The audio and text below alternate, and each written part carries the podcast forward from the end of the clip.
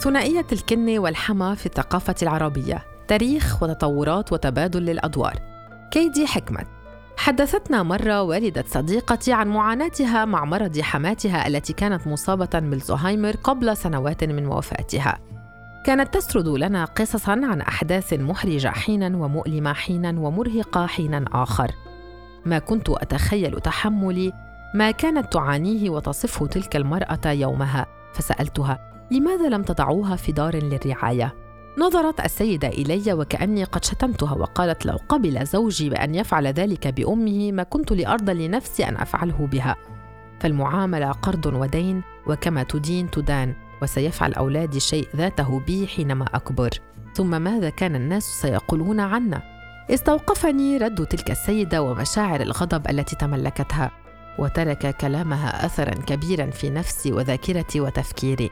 بعدها بقيت وقتا طويلا أفكر في الأمر وأحاول تحليله وها أنا ذا أحاول أن أدون بعض أفكاري عن ثنائية الكنه والحمى وما طرأ عليها من تغيرات في الثقافة العربية. في الماضي كانت علاقة الحماة والكنه في المجتمعات العربية علاقة أساسية وحساسة جدا فليس من السهل على الرجل في هذه المجتمعات الارتباط بامرأة بعيدا عن رضا والدته وموافقتها ومباركتها بل في أغلب الأحيان كانت الأم هي من تنتقي لابنها العروس ثم تعرضها عليه ليوافق أو يرفض أي تكون هي صاحبة القرار الأول واحيانا الأخير. لذا كانت العروس وعائلتها يسعون إلى إرضاء تلك الحماة في الدرجة الأولى ثم الزوج أو يسعون إلى كسب رضا الحمى من خلال إرضاء الزوج. وتستمد والدة الزوج تلك القوة وتلك المكانة أساساً من النصوص الدينية التي تقوم عليها الثقافة العربية إجمالاً ومن الأعراف التي تطورت لاحقاً على مر الأجيال. ولا غرابة في أن تكون الأم هي من تختار زوجة الابن فتلك الكنة ستقيم معها ومع ابنها في بيت واحد. وستقوم بأعمال المنزل والتربية تحت إشراف والدة زوجها وبتوجيه منها.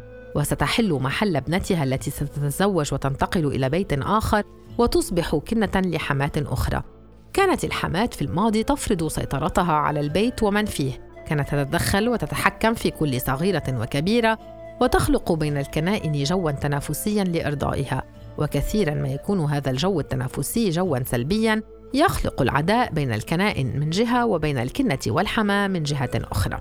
تصل مكانة الأم في الثقافة العربية إلى مرحلة القداسة. فغضبها يعني غضب الرب وعصيانها يعني عصيانه. بل تقيس هذه المجتمعات أخلاقيات الناس وتحكم عليها من خلال علاقتهم بوالديهم. وهذا ربما ساهم في تشكيل نظرة النساء العربيات وأفكارهن حول الزواج آنذاك. فالزواج حينها كان أهم أهداف الفتيات وكان يشكل نقطة التحول الأبرز في حياتهن.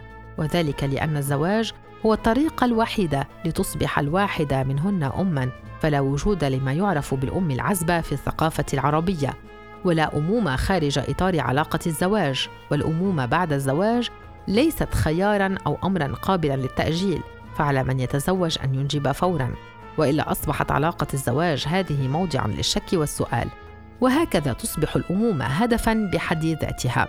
فسلطة الأم على أبنائها بعد تربيتهم وبلوغهم وزواجهم سلطة مطلقة لا يمكن الاستهانة بها. ينشأ الأطفال في المجتمعات العربية على قصص تتحدث عن العقاب الذي ينتظر من يسيء التعامل مع والديه، وتدور كلها حول فكرة الكارما، فما تقدمه لهم اليوم يقدمه لها أبناؤها غداً. هكذا بررت السيدة في بداية هذه المقالة بقاء حماتها المصابة بالزهايمر في منزلها وتقديم الرعاية لها فهي تؤمن بأنها لو أساءت إلى حماتها سيكبر أبناؤها ويسيئون إليها بالطريقة نفسها ولو أطاعتها واعتنت بها سيعتني بها أبناؤها في المقابل. هكذا اكتسبت المصحات النفسية ودور رعايه كبار السن سمعة سيئة في المجتمعات العربية بالرغم من أنها تقدم للكبار خدمة أكثر احترافية وذات جودة.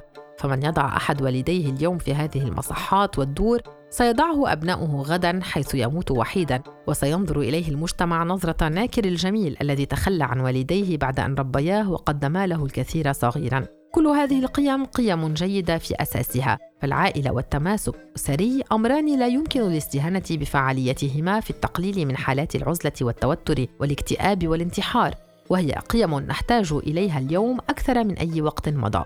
ومعروف أن كل إنسان يمنح سلطة مطلقة أو ذات قداسة.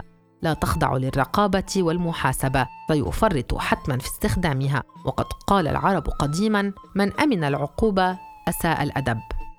ربما كانت فكرة السلطة المطلقة تلك هي الأسوأ في تاريخ هذه العلاقة الأنثوية فالزوجة لا ترزح تحت ضغط سلطة زوجها الذكر في مجتمع ذكوري بامتياز فحسب، بل تضاف إليها سلطة أمه التي هي امرأة مثلها، لكنها تحكمها أيضا بعقلية السيد والعبد.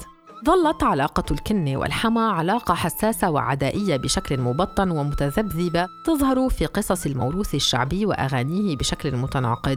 فمرة تتحيز الأغاني إلى الكنة المسكينة وتهاجم سلطة الحماة وتسلطها ومرة تنتصر القصص لحق الأم ووجوب طاعتها.